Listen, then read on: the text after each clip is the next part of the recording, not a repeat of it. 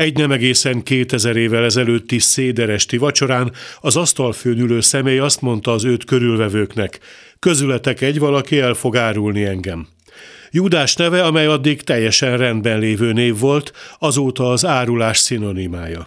Ha csak nem olvasunk apokrif irodalmat, mert annak alapján elgondolkodhatunk azon is, miként nagypéntek nélkül nincs feltámadás, ugyanúgy Júdás árulása nélkül nincs kereszthalál.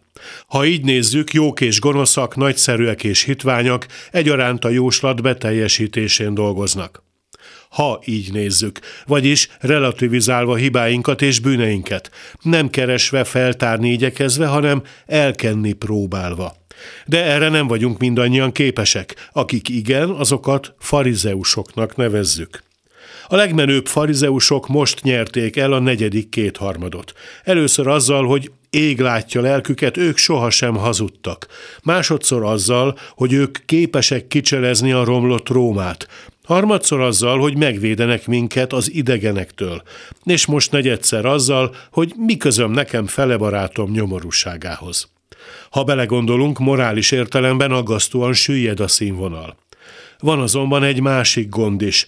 Ha a vesztesek nem néznek az eddiginél sokkal őszintébben szembe saját hibáikkal, akkor egy kicsit ők is hasonlítani kezdenek a farizeusokhoz, csak éppen lúzer kiadásban, aminél nincs vacakabérzés.